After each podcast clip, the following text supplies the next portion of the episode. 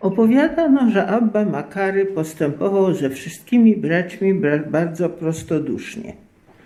I niektórzy go pytali, dlaczego starasz się być taki?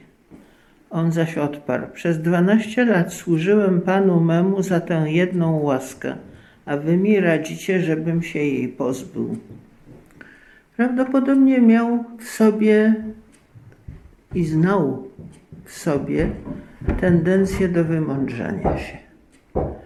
I robił wszystko z pomocą łaski Bożej, żeby tego wymądrzania się nie praktykować. Wiecie same, jak to jest, kiedy człowiek poczuwa się do jakiejś wady, a kiedy się do niej nie poczuwa. W tym drugim wypadku wszyscy dokładnie dookoła niego wiedzą, tylko on jeden nie wie, prawda? Mm, W tym pierwszym wypadku to jest już jednak jakaś, jakiś wysiłek, jakaś możność, możliwość dopiero walki. No może dlatego właśnie, także i dlatego, bo nie tylko. Może i także i dlatego jest tak cenne, że mamy wokół siebie wspólnotę. Wspólnota nas nie przeceni. To jest to, co Pan Jezus mówił, że e, tylko w swoim domu prorok jest krytykowany. I bardzo to dobrze dla proroka. Bo wszyscy mogą go szanować, a wspólnota dobrze wie, jakie są jego słabsze strony.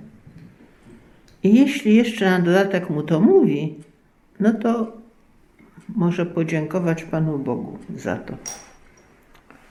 Opowiadano o Abba Makarym, ale to właśnie chyba Aleksandryjczyku, że ilekroć przebywał z braćmi, trzymał się takiej zasady. Jeśli tam będzie wino, pij ze względu na braci. Ale za każdy kubek potem jeden dzień nie będziesz pił nawet wody. Otóż bracia częstowali go, żeby mu zrobić przyjemność. On zaś przyjmował z wdzięcznością, żeby się móc potem umartwiać. Jego uczeń zorientował się w tym i zaczął prosić braci: Na Boga nie częstujcie go, inaczej on się zadręczy na śmierć po powrocie do celi. Gdy bracia się dowiedzieli, przestali go częstować. Jedną z podstawowych nauk na pustyni było, żeby swojej cnoty nie praktykować na widoku. Więc Abba Makary, zgodnie z tą zasadą, był gotów wypić i kilka kubków wina podczas jednego posiedzenia. No widocznie miał głowę na tyle mocną, że mu się nie zakręciło. Ale potem on za to prywatnie, bez niczyjej wiedzy, właśnie pokutował. Ta formuła, która nawiązywała do tego, że na pustyni mięso było rzeczą wykluczoną, a wina się też raczej nie pijało, ta formuła brzmiała: Lepiej ci jeść mięso i pić wino, niż opowiadać o swoich postach. To już spotkaliśmy e, czasami.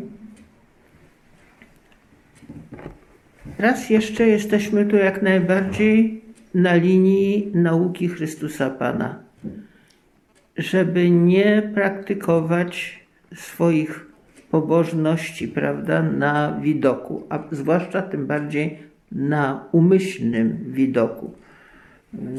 Jak ci, którzy stoją na rogach ulic, żeby wszyscy ich widzieli i tam się muszą modlić. I tak dalej. Kiedyś Abba Makary szedł od bagna do celi, niosąc liście.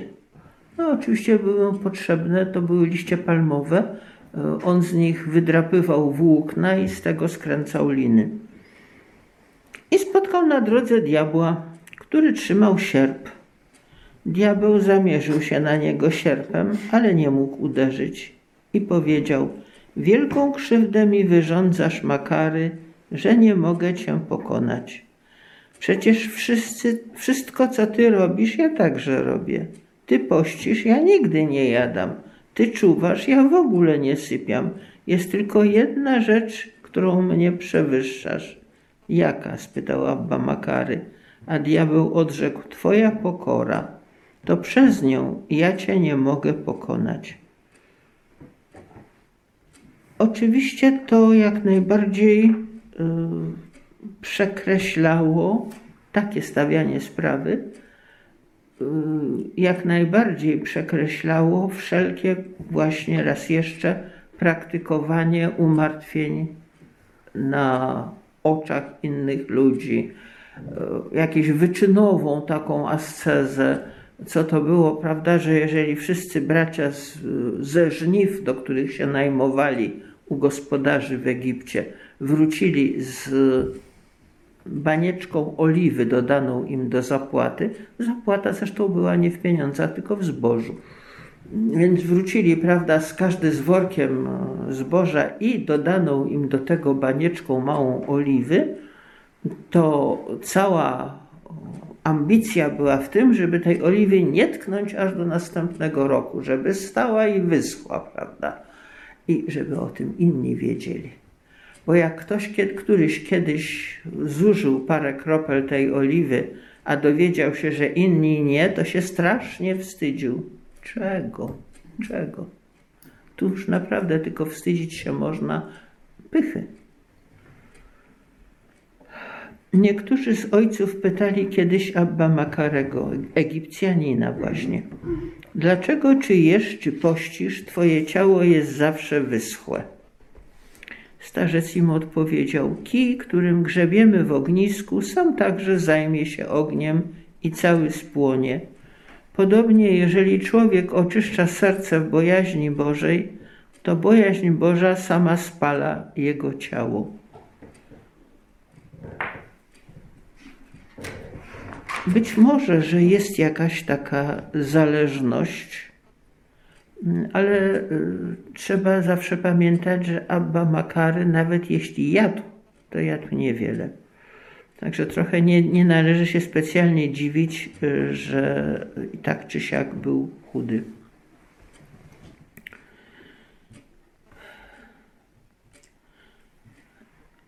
A bracia strasznie lubili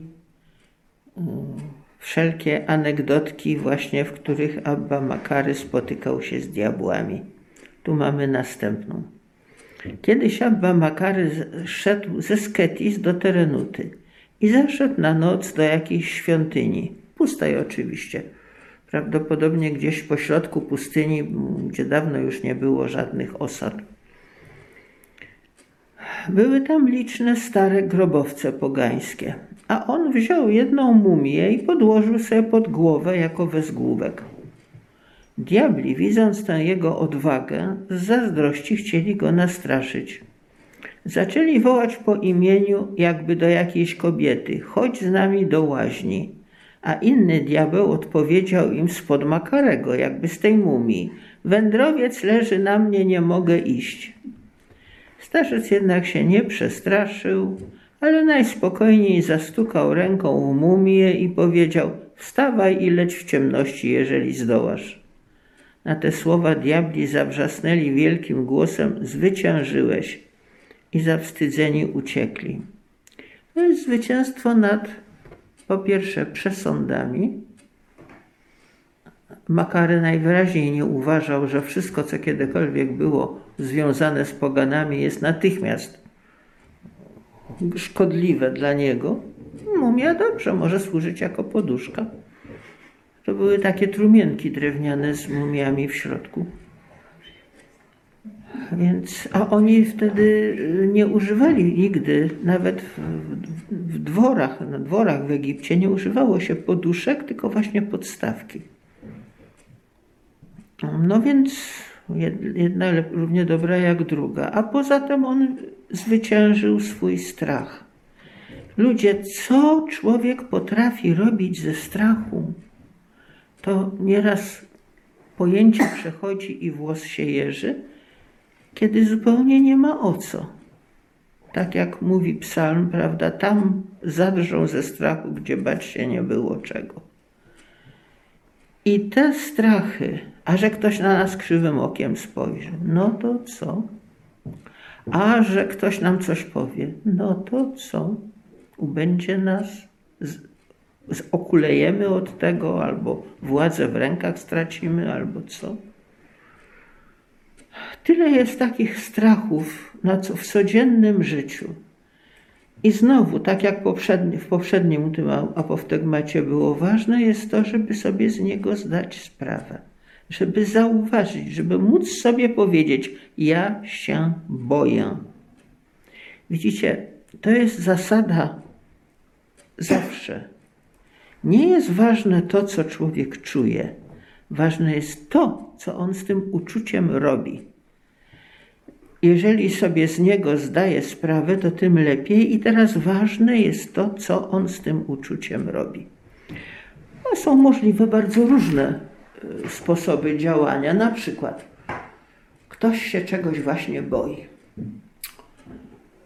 No i chodzi po całym świecie, demonstrując, jak on to się boi. I wszyscy ludzie mają żałować go, pomagać mu, ja nie wiem co, skręcić się wokół niego, bo on się boi. Światowładne zjawisko, równie ważne jak, jak obroty Ziemi dookoła Słońca, że on się boi. A powiedziałby sobie, to jest strach, mój strach, ale mój strach to nie jestem ja. I bardzo łatwo mógłby to zwyciężyć, zignorować w ogóle, przewalczyć w sobie. Ale trzeba rzecz nazwać po imieniu. Wszyscy jesteśmy bardzo dobrzy do nazywania rzeczy po imieniu u bliźnich.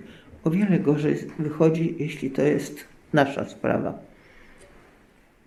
Jeszcze powtarzam, nie to jest ważne, co człowiek czuje. Jeśli czuje gniew, to co? To cały świat ma drżeć dlatego, że on się gniewa? Czy to jest takie ważne? On sobie powinien powiedzieć: Ja w tej chwili czuję gniew. I nie malować tego gniewu na święte oburzenie. Bo naprawdę w stu wypadkach na 101 nie ma potrzeby. A po prostu powiedzieć sobie: To jest gniew albo to jest z mojej strony łakomstwo. Ja w tej chwili czuję łakomstwo. Zdać sobie z tego sprawę i wtedy pomyśleć sobie właśnie, że uczucie przyszło i było, to jest rzecz normalna, ale nasze życie z Bogiem jest tam, gdzie my coś z tym uczuciem staramy się zrobić po Bożej myśli.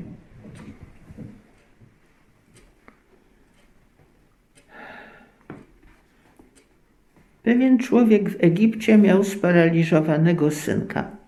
Przyniósł go więc pod cele Abba Makarego i zostawił pod drzwiami, a sam odszedł opodal. Chłopiec zaś płakał. Starzec wychylił się, zobaczył dziecko i zapytał, a kto cię tu przyprowadził? Odpowiedziało, mój ojciec rzucił mnie tutaj i poszedł. Starzec na to, to wstawaj i dogoń go. I natychmiast chłopiec wyzdrowiał. Wstał i pobiegł do ojca i tak wrócili do domu. Jeden z tych przypadków, które właśnie też, których lubowała się pustynia, kiedy jakiemuś pustelnikowi ukradziono cud. Nawet nie wiedział, że go zrobił. Abba Makary Wielki, kiedy w Sketis odprawiał braci po zgromadzeniu, mawiał: Bracia, uciekajcie. Jeden ze starców go zapytał, a dokąd jeszcze mielibyśmy uciekać z tej pustyni? On położył palec na usta i mówił, od tego uciekajcie. I poszedł do swojej celi, zamknął drzwi i tak pozostał. Skupienie jest niemożliwe bez milczenia. Życie monastyczne jest niemożliwe bez skupienia. No więc Oczywiście bardzo łatwo wyjść, wyszedłszy z kościoła, zaraz się rozgadać. No bośmy się raz na tydzień spotkali, bo teraz właśnie jest czas na wymianę wiadomości i tak dalej. No dużo tych wiadomości ma, siedząc w celi na pustyni. Na zawsze się znajdzie coś, o czym by można gadać. Temat do gadania zawsze się znajdzie. Ale Abba Makary mówił, bracia, uciekajcie. Powiedział Abba Makary, jeżeli karcąc kogoś wpadasz w złość, Idziesz po prostu za własną namiętnością. Nie gub własnej duszy dla zbawienia cudzej. To jest jeszcze raz to samo, o czym przed chwilą była mowa. Zdaj sobie sprawę, nawet kiedy ci się wydaje, że postępujesz szlachetnie i słusznie, zdaj sobie sprawę z własnego uczucia. Jeżeli wpadasz w złość, to idziesz po prostu za własną namiętnością. Ten sam Abba Makary, kiedy był w Egipcie, wracając, zastał człowieka, który kradł właśnie rzeczy z jego celi, a miał ów złodziej osła. Starzec więc udał przed nim przechodnia. Pomógł mu obładować osła i najspokojniej go odprawił, bo mówił sobie: Nic nie przynieśliśmy na ten świat, więc oczywiście i wynieść nic nie możemy. Pan dał, jak on zechciał, tak się stało. Niech Pan będzie we wszystkim błogosławiony. Takich opowieści jest w apoftegmatach wiele i większość z nich na ogół kończy się tym, że złodziej jednak z jakiejś przyczyny oddaje łup, albo osioł nie chciał iść, albo coś takiego. W tym wypadku mamy tu położony nacisk nie na ewentualne jakieś cudowne zakończenie, tylko właśnie na tę spokojną pokorę starca, który zgodził się, że mu zrabowano. No co mu tam mogli zrabować? E, zapasowy płaszcz, jakieś, jakiś koc, parę garnków, no dużo więcej nie, no trochę jedzenia może tam gdzieś miał ziarna czy coś. Ale on wiedział, jak ta kobieta księdze królewskiej, że żyje pośród swego ludu. Że jeżeli naprawdę nic nie zostanie mu do jedzenia, to bracia mu się z nim podzielą. W końcu było ich tam dość, żeby, żeby się to znalazło. I ufał Panu, że taka pomoc, jeżeli będzie potrzebna, przyjdzie na czas i nie potrzeba, żeby on walczył w tej chwili za siebie. Nawet nie potrzeba, żeby uświadamiał złodziejowi, jaką on zbrodnię popełnia i jak ja znoszę, prawda, cnotliwie i pokornie tę jego zbrodnię. Jest taka zasada. Tu najwyraźniej złodziej odszedł i w ogóle nie wiedział, z kim miał do czynienia jest taka zasada. E, jeżeli ktoś jest znany z pokory, to widać, że tam jest jakiś element teatru, że on jednak pokazuje, jaki jest pokorny. Człowiek prawdziwie pokorny będzie uznawany za po prostu nieczułego. Och, ten to jest gruboskórny, można kopnąć, nie, za, nie zareaguje tak ludzie o nim mówią. I to wtedy jest właśnie możliwe, możliwe, że tam jest rzeczywiście autentyczna pokora. Brak jakiegokolwiek pokazywania, jaki to ja jestem pokorny i cierpliwy. Niektórzy bracia pytali Abba Makarego, jak mamy się modlić. Starzec im odpowiedział, nie potrzeba gadaniny ale wyciągnijcie ręce i mówcie: Panie, zmiłuj się nade mną według Twej woli i wiedzy. A w pokusie, Panie, wspomóż mnie. A Bóg sam wie najlepiej, co dla nas jest dobre i zmiłuje się nad nami. Pewnie, że wszelkie nasze prośby, jakie Bogu przedstawiamy, który jak wiadomo i tak dobrze wie, o co, czego nam potrzeba, Wszelkie nasze prośby, które Bogu przedstawiamy, są po prostu podstawianiem się pod strumień Jego woli i Jego łaski. Są przyjęciem tego, co On nam zechce dać. I takich rozwiązań dla naszych problemów, jakie On zechce zesłać. Często jesteśmy bardzo niecierpliwi. Wydaje nam się, że jak mamy problem, to po pierwsze, no oczywiście cały świat powinien o tym wiedzieć, inaczej by zginął chyba. A po drugie, to ten problem powinien zostać rozwiązany jak najszybciej, natychmiast. Nieprawda. Z problemem się żyje długo i nieraz bardzo długo, długie lata. W przyrodzie mamy taki bardzo ładny y, przykład. No to wprawdzie nie długie lata, tylko miesiące, no ale czego żądać od, od roślinki? Wiecie, jak ślicznie jest w sadzie, kiedy kwitną na przykład jabłonie. No jedna fala różowo-białych blasków, no cudnie, faktycznie. Wiecie, jak ślicznie jest w sadzie, kiedy jesienią są już gotowe czerwone jabłka i wszędzie widoczne są między liśćmi znowu barwy wymarzone, tylko malować. Ale między kwitnięciem a dojrzałym owocem jest cały długi czas, kiedy owoc wygląda tak, że dwóch groszy by za niego nie dać. Brzydki, mały, zielony, twardy, zjeść się go absolutnie nie da i trzeba czekać, aż, się wre, aż wreszcie dorośnie. Na rozwiązanie naszych problemów tak właśnie trzeba nieraz czekać i nie próbować zjeść tego nie do owocu, że tak powiem, bo się tylko można nabawić choroby żołądka. Bóg sam wie, kiedy nam zesłać pomoc, jaką pomoc, ile tej pomocy. Bóg sam, jak mówi Abba Makary, wie najlepiej, co dla nas jest dobre i zmiłuje się nad nami. No pewnie, że się nad nami zmiłuje. Wiecie, my wciąż prosimy o Boże zmiłowanie, ale ja mam czasem wrażenie, że Bóg bardzo chętnie by odpowiedział: Przecież już się nad Tobą dawno zmiłowałem, przestań jojczeć. Raczej trzeba dziękować, właśnie, że się zmiłował, że jest dostępny dla nas, że cały czas ma nas na oku i w opiece. Nie, że my byśmy może to inaczej rozwiązywali te problemy, inaczej stawiali sprawy, ale to jest już tylko nasza małość, a Bóg wie na pewno lepiej. Opowiadano o Abba Makarym Egipcjaninie, że szedł kiedyś ze Sketis w góry koło Nitri.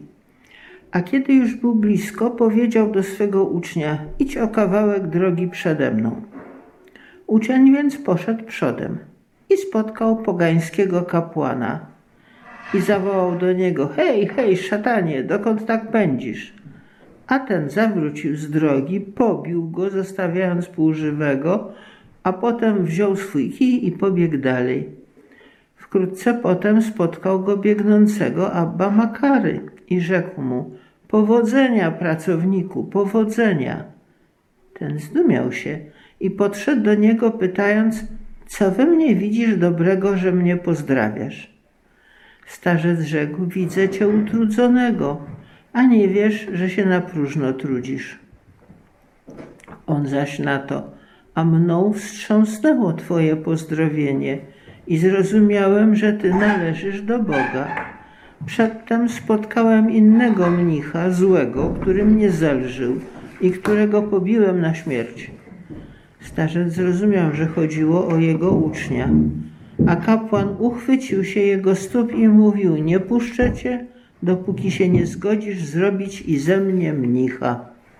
I poszli razem do miejsca, gdzie leżał tamten brat, i zanieśli go do kościoła na górze. A wszyscy zdumiewali się na widok kapłana i zrobili go mnichem, i wielu pogan z jego powodu zostało chrześcijanami. Mawiał więc Abba Makary, że złe słowo i dobrego złym czyni, a dobre słowo i złych czyni dobrymi. Inaczej mówiąc, na pustyni już była doświadczalnie znana zasada, którą później sformułował chyba Franciszek Salezy, że więcej much złapie się na łyżkę miodu niż na beczkę octu. No niestety ludzie nieraz wylewają z siebie ten ocet rzeczywiście całymi kubkami. Mówię o kubek, a nie inaczej. Mm, I jak ten kapłan pogański, nie wiedzą, że na próżno się trudzą. Nikogo nie zbudują i nikogo nie nawrócą octem.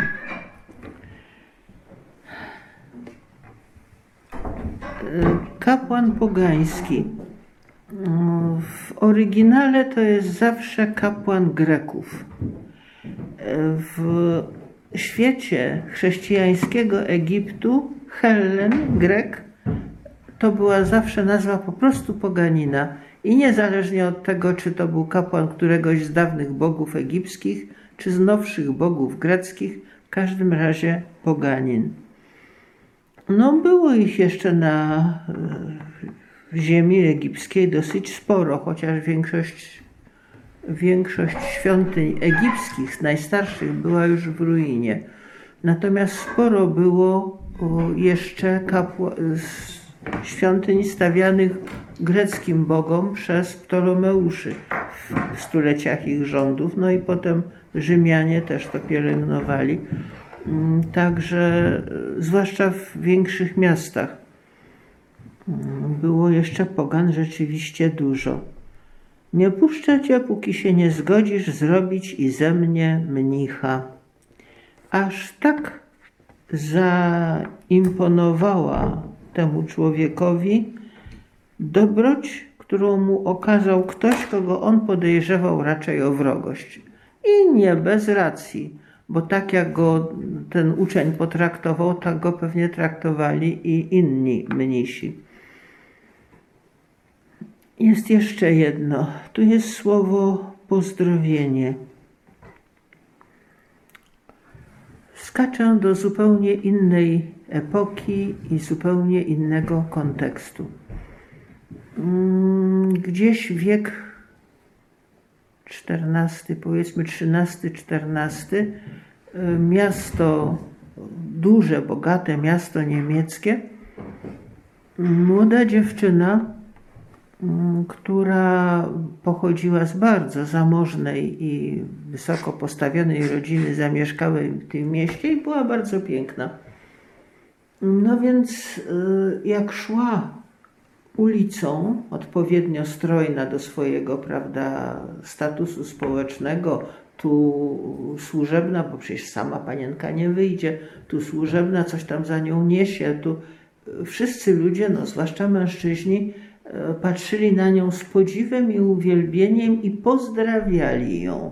Te pozdrowienia to było coś bardzo ważnego w tamtym świecie Mm, to nie było tylko powitanie, dzień dobry, dzień dobry. To było y, coś także i komplement, i, i jakiś y, powiedzmy wyraz y, szczęścia, że się tego kogoś zobaczyło. Mm, to było coś bardzo działającego na wyobraźnię, zwłaszcza młodej dziewczyny. Ta dziewczyna nazywała się Mechtylda, miastem był Magdeburg. Mm, Pewnego dnia szła tak ulicą, zbierając właśnie hołdy od przechodniów i nagle usłyszała pozdrowienie, którego żaden przechodzień nie powiedział.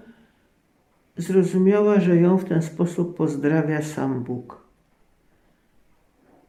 I to był moment, w którym postanowiła oddać życie Bogu.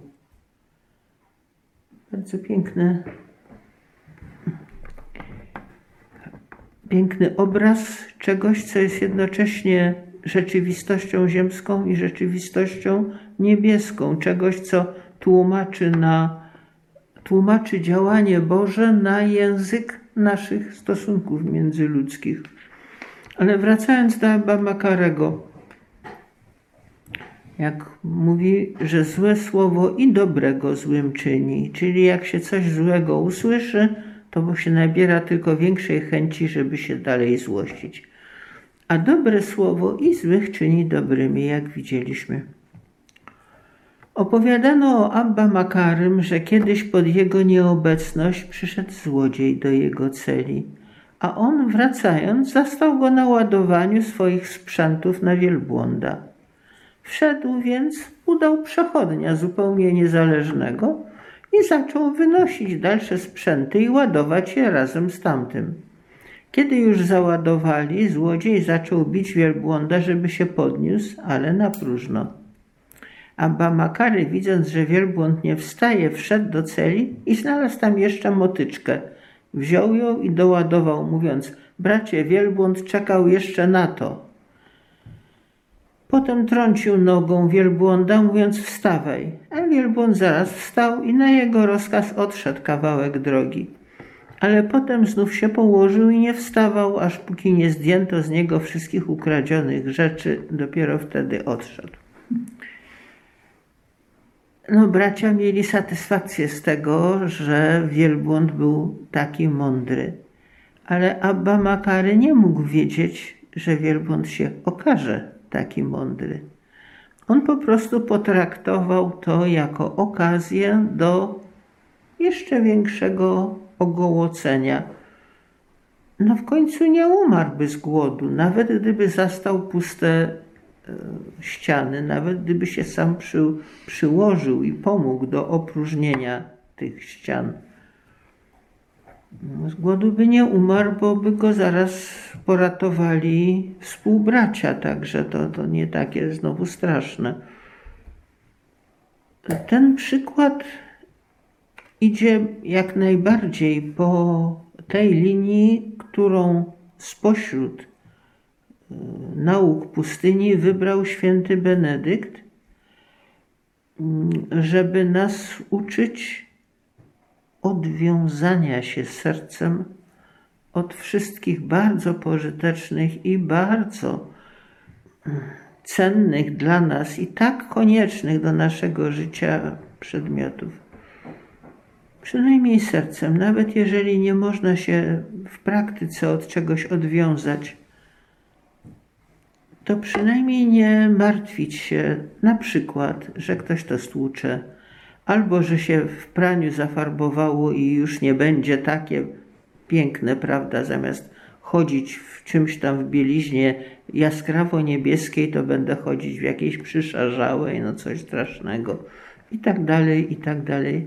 Nazbiera się w ciągu dnia całe mnóstwo y, takich drobiazgów, o które można by się przyczepić, jeżeli człowiek jest przywiązany sercem do tego wszystkiego. A inne przywiązanie. Mówił Abba Makary, kiedy byłem młody, odczuwałem w celi zniechęcenie i wyszedłem na pustynię, mówiąc do swoich myśli: Tego, kogo spotkam, zapytam, aby mi dopomógł i spotkałem chłopca pasącego woły. No, na tej pustyni to trochę trawy jednak rosło. I zapytałem go, cóż mam uczynić, chłopcze, skoro jestem głodny? Powiedział mi, jedz. Znowu powiedziałem, że zjadłem i znowu jestem głodny. No, po tym, co on jadł, to mógł nadal być głodny. Wtedy powiedział do mnie, to chyba jesteś osłem, Abba, skoro ciągle chcesz żreć. I odszedłem, wyciągnąwszy z tego pożytek. Co nas uczy, że nawet jakby nam nawymyślano od osłów, to można się zastanowić, czy przypadkiem jakiś pożytek z tego się nie da wyciągnąć.